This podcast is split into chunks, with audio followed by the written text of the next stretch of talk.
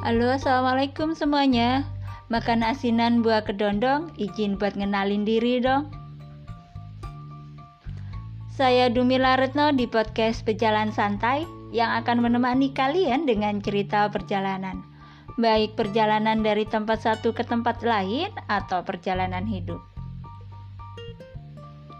Sobat pejalan bisa mengirimkan cerita perjalananmu di email pejalansantai4 at gmail.com Sampai ketemu di podcast 1 dan podcast-podcast selanjutnya.